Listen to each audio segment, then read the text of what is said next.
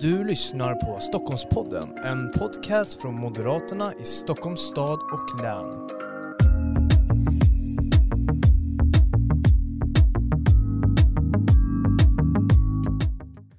Varmt välkomna till ännu ett avsnitt av Stockholmspodden. Idag ska vi prata regionpolitik, närmare bestämt budget för Region Stockholm. Och vilka bättre att göra det och prata om det med än Irene Svenonius och Kristoffer Tamsons, våra regionråd i Region Stockholm. Varmt välkomna. Tack så, Tack så mycket. mycket. Hur mår ni så här i budgettider? Jo tack, vi mår bra men tyvärr så bor väl inte, mår väl inte regionens ekonomi så bra efter en och en halv månad med vänsterstyre. Mm. Nej, det är inte bara influensatider i, eh, som är på väg in och rulla in över Stockholm tror jag i stort utan det gäller inte minst viktiga verksamheter som sjukvården och kollektivtrafiken. Mm. Och ni, ni säger att eh, kollektivtrafiken mår inte så bra, ekonomin mår inte så bra eh, på grund av den nya, det nya styrets budget. Kan ni inte förklara lite mer vad deras budget innebär eh, för regionen? Ja det är ju djupt allvarligt att för första gången på 16 år så budgeterar eh, det nya styret med ett rekordunderskott på 3,5 miljard. Och samtidigt så innebär budgeten eh, stora neddragningar i kollektivtrafiken och i hälso och sjukvården. Samtliga akutsjukhus i länet säger att de måste genomföra stora minskningar av personalen. Mellan 1500 och 2000 vårdanställda måste bort för att deras budgetar ska gå ihop. Och detta redan innan budgeten ens är beslutad. Man varnar för varsel alltså. Man varnar uppenbart för varsel och det har ju inte precis Socialdemokraterna eller Vänsterpartiet, Centern eller Miljöpartiet talat om före valet. Men efter valet är det konsekvensen när man inte förmår att tydligt prioritera kärnverksamhet utan allt ska vara till alla och man ska uppfylla alla möjliga vallöften utom de till patienterna och resenärerna och skattebetalarna som är riktigt, riktigt viktiga. Mm. Och det är ju lite grann tyvärr det här klassiska vänstertricket vi ser. Man lovar som Irene säger allt till alla i valrörelsen och så snart som valet är vunnet så eh, säger man att nej men det var inte det vi menade. Det var inte det vi egentligen skulle göra. Utan istället så rullar man fram sin sanna politik och den är ju precis som Irene säger. Det är allt till alla, det är stora miljardunderskott i verksamheten och det är dessutom en nedmontering av väldigt mycket av det som ju stockholmarna håller väldigt kärt. Det vill säga rätten att kunna välja inom sjukvården sin läkare, den vårdcentral man har förtroende för, möjligheten att kunna utvecklas och resa och bo och leva tillsammans med världens näst bästa kollektivtrafik. Väldigt mycket av detta står nu på spel och eh, det kommer att kräva en väldigt eh, taktfast opposition eh, från moderat håll men också tillsammans med de övriga borgerliga partierna som vi nu, nu bildar armkrok med för att försvara stockholmarnas rätt till en bra sjukvård med valfrihet utan köer och en kollektivtrafik som fortsatt kan rulla till nytta för stockholmarna. Mm. Det låter mycket bättre måste jag säga. Jag tycker att det låter som att Vänsterpartiet tydligt har sett sin prägel på den här budgeten. Och eh, ni har ju också räknat ut att man belånar varje stockholmare med 1500 kronor. Det är ju ganska mycket för en region med så många invånare. Kan, kan ni utveckla lite hur, hur man menar med det? Ja, det är ju att eh, det nya vänsterstyret budgeterar med ett underskott på 3,5 miljard. Och det motsvarar 1500 kronor för varje stockholmare. Man alltså klarar inte av att hålla ekonomin inom de ramar som finns trots de stora buffertar som det tidigare M-ledda styret har lä lämnat efter oss. Och eh, det här är ju allvarligt för det innebär att man skickar notan till framtiden till våra barn och barnbarn. Men det innebär ju också som vi har pratat om hittills att trots de här rekordunderskotten så klarar man inte av eh, kärnverksamheterna. Det ska ske stora neddragningar på sjukhusen, då kommer vårdköerna att växa. Och eh, vi ser att eh, bussar kommer att ställas in, turtätheten kommer att minska. Det här kommer att påverka livet i Stockholm på ett sätt som stockholmarna inte har föreställt sig. För så här har det inte låtit före valet från vänsterpartierna. Och jag undrar, vet de vad de gör? Vet de, har de förstått konsekvenserna av sin budget? Och det blir ju extra allvarligt också mot bakgrund av att vi moderater under, som Irene är inne på, under många år eh, med ordning och reda i ekonomin också har byggt upp reserver. Vi har byggt mm. skyddsvallar kring regionens kärnverksamheter att just kunna stå upp och hålla emot eh, i oroliga tider som de vi nu är i. De skyddsvallarna river man nu väldigt snabbt ner eh, och man gör det på ett sådant sätt som innebär att det uppstår stora underskott. Och sen så riktar man udden då mot sjukhusen, mot sjukvården, eh, mot den patientnära verksamheten. Man riktar den mot kollektivtrafiken och talar om att där ska ske neddragningar eller som man på byråkratsvenska talar om i vänsterpartiernas budget. Man talar om att man ska anpassa utbudet efter ekonomin och så budgeterar man med ett miljardunderskott. Mm. Det innebär ju att stockholmarna har att förvänta sig de kommande åren att här dras det ner.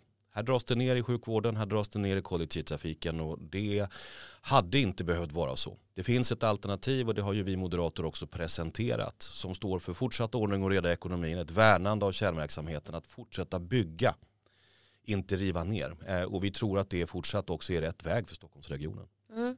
Du kom så fint in på det här med att ni också ju har lagt en eh, oppositionsbudget som kan man säga har ett annat fokus. Ni väljer valfrihet och eh, också mer ordning och reda i ekonomin. Men kan ni inte utveckla lite vad, vad er budget handlar om, vad ni rent konkret satsar på och, och sådär?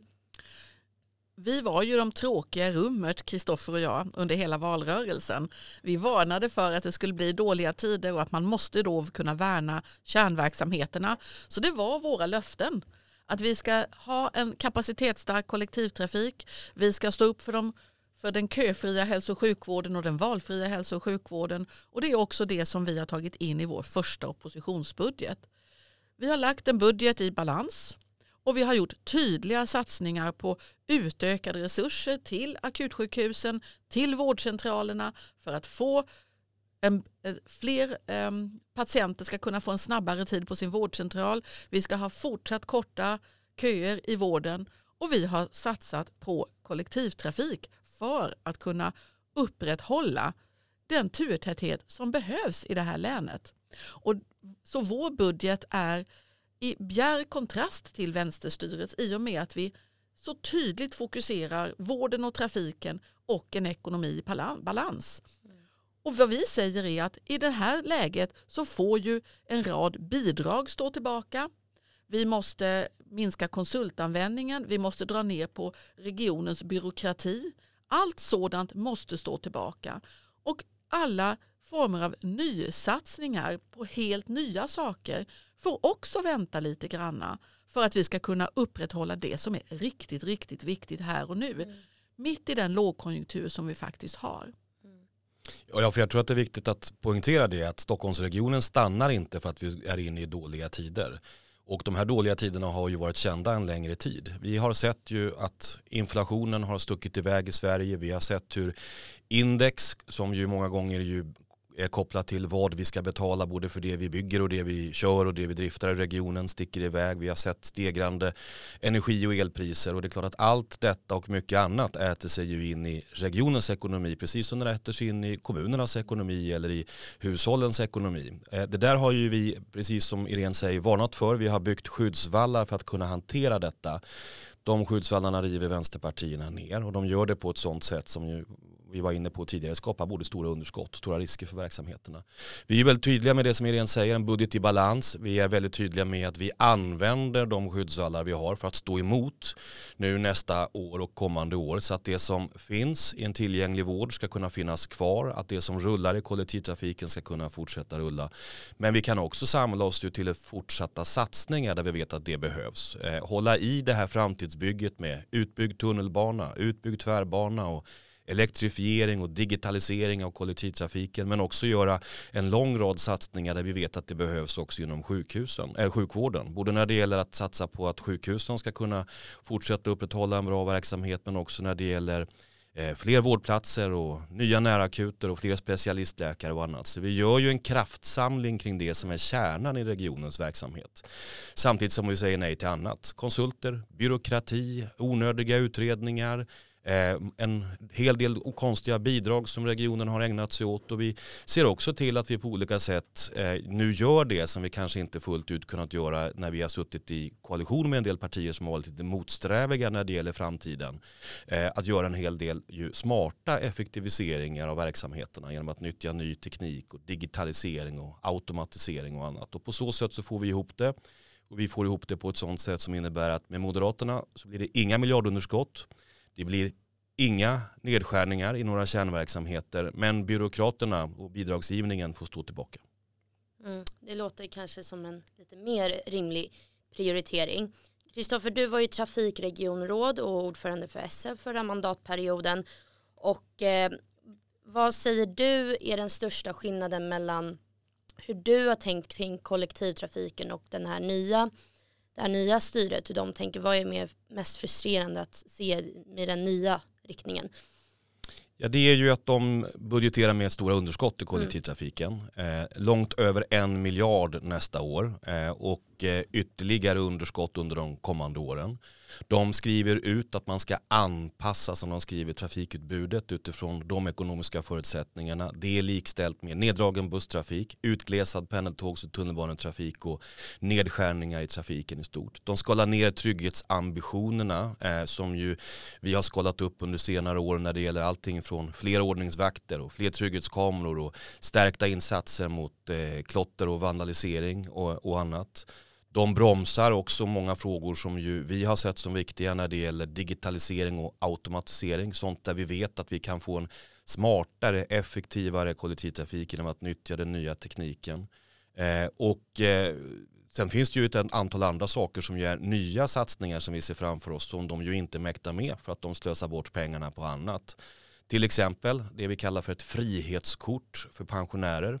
En riktad satsning för att pensionärer ska kunna resa avgiftsfritt eller med kraftigt sänkt pris i sommar. På samma sätt som vi samlar oss till en prova på-kampanj för det unga Stockholm förra sommaren.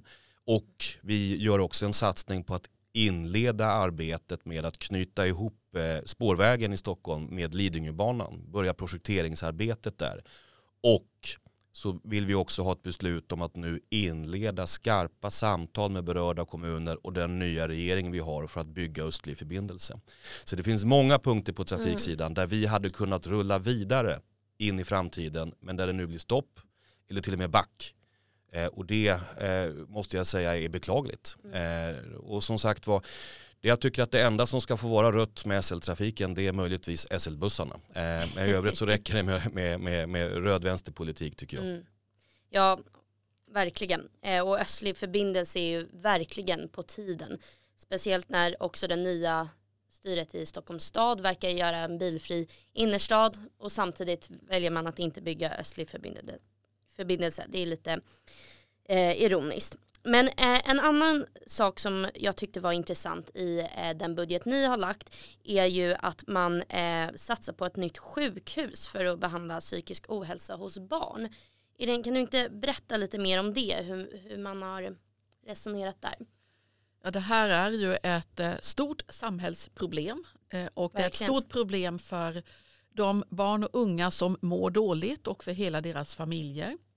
Och eh, vi ser och hör från eh, många av dem som är drabbade av psykisk ohälsa att man får gå till flera olika ställen, att det finns många duktiga specialister i Stockholm men man får gå till flera olika ställen beroende på eh, vad det är man söker för. Och många har ju en psykisk ohälsa som beror på flera saker. Man behöver flera olika experter.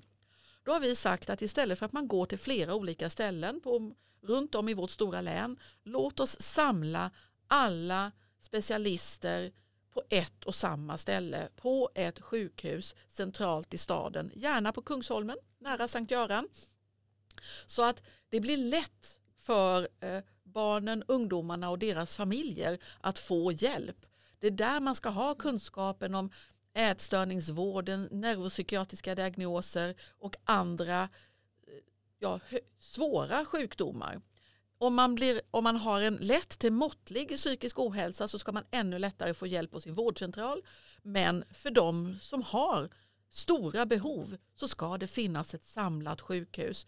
Vi tror att eh, Det är nödvändigt för att barn och unga ska få rätt hjälp och få enklare hjälp.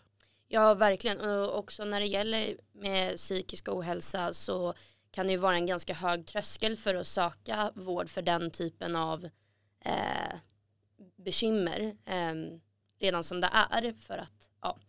så, så det låter ju väldigt bra. Men eh, S-styret, hur tänker de kring det här sjukhuset? Har de stoppat de planerna eller? Vi ser ju ingenting av det i deras budgetförslag Mm. Eh, och eh, jag hoppas ju att vi ska kunna övertyga dem med stockholmarnas hjälp om att det behövs ett samlat sjukhus för högspecialiserad och specialiserad vård för psykisk ohälsa för just barn och unga. För många mår så oerhört dåligt och precis som du säger Josefin, det tar en stund innan man söker hjälp.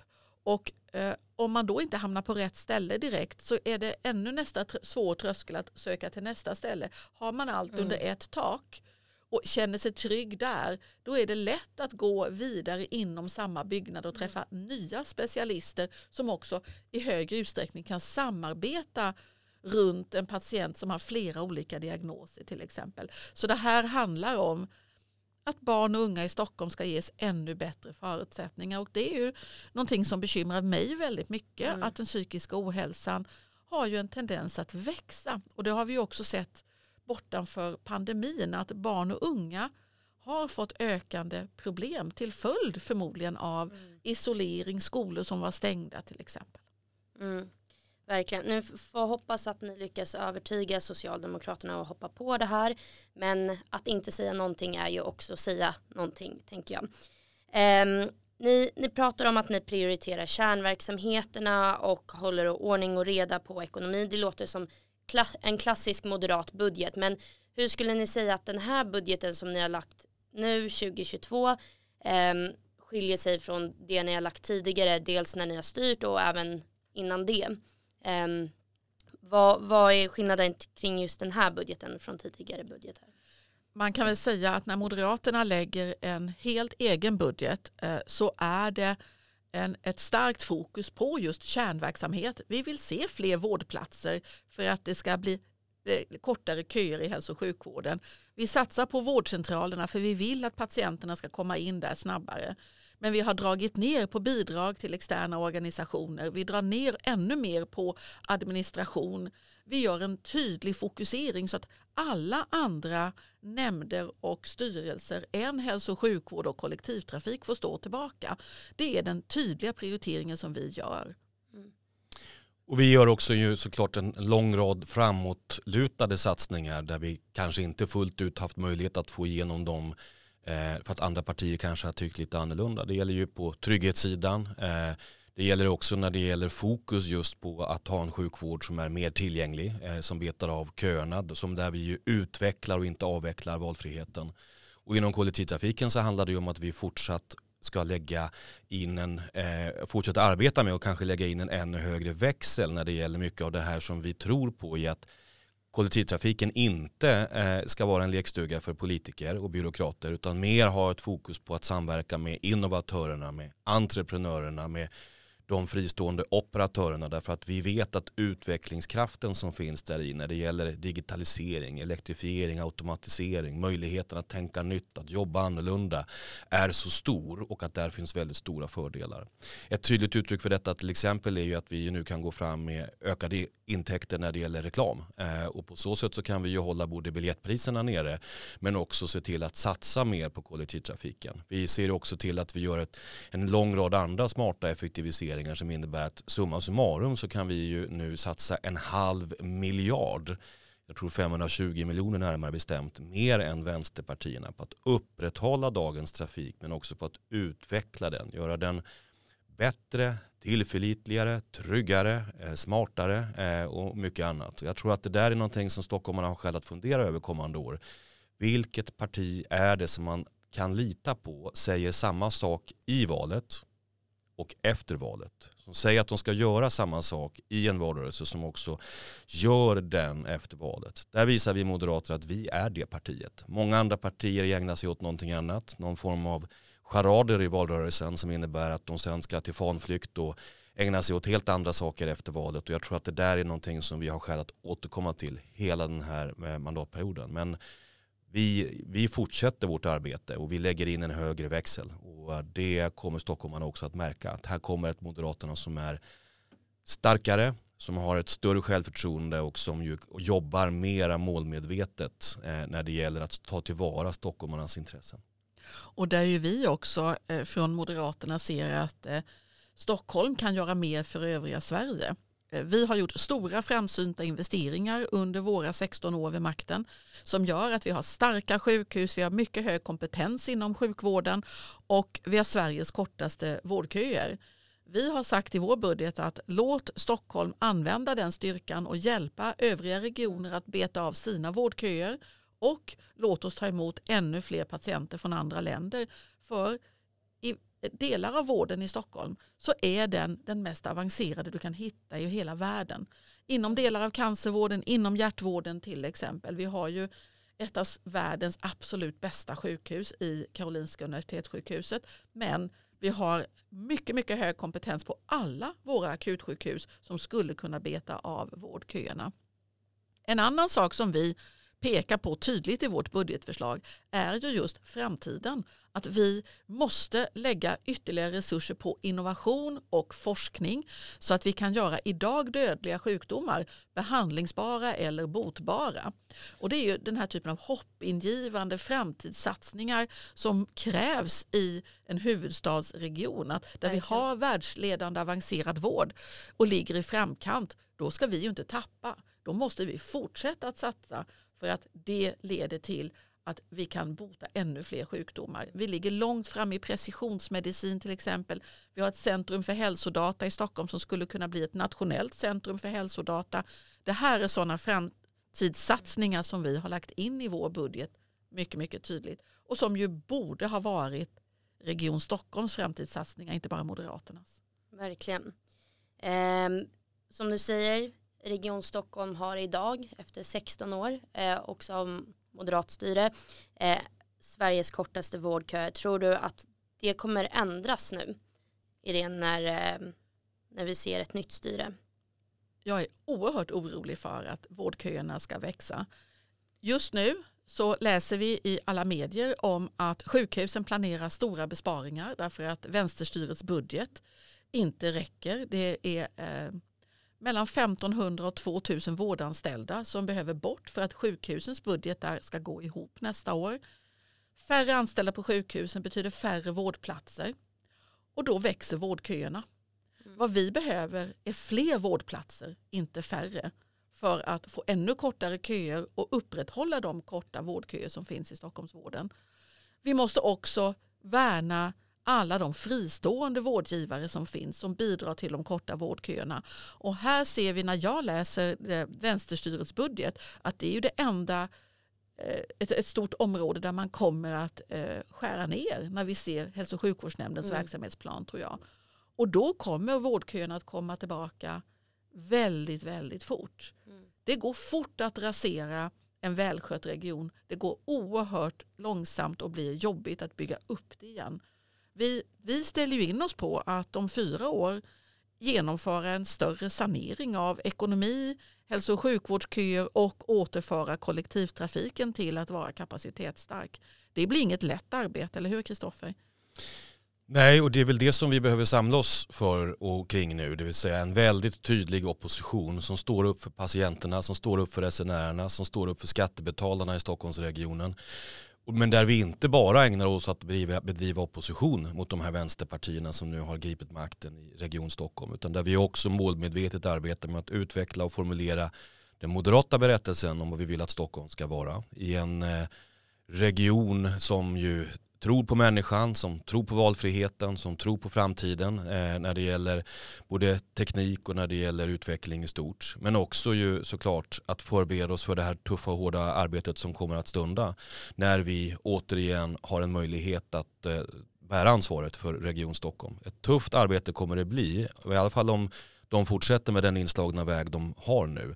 Men som sagt var, det är därför som vi moderater finns. För att vara det partiet som kavlar upp ärmarna och gör jobbet. Eh, och som städar upp efter vänsterstyret. Det gjorde vi en gång i tiden för 16 år sedan.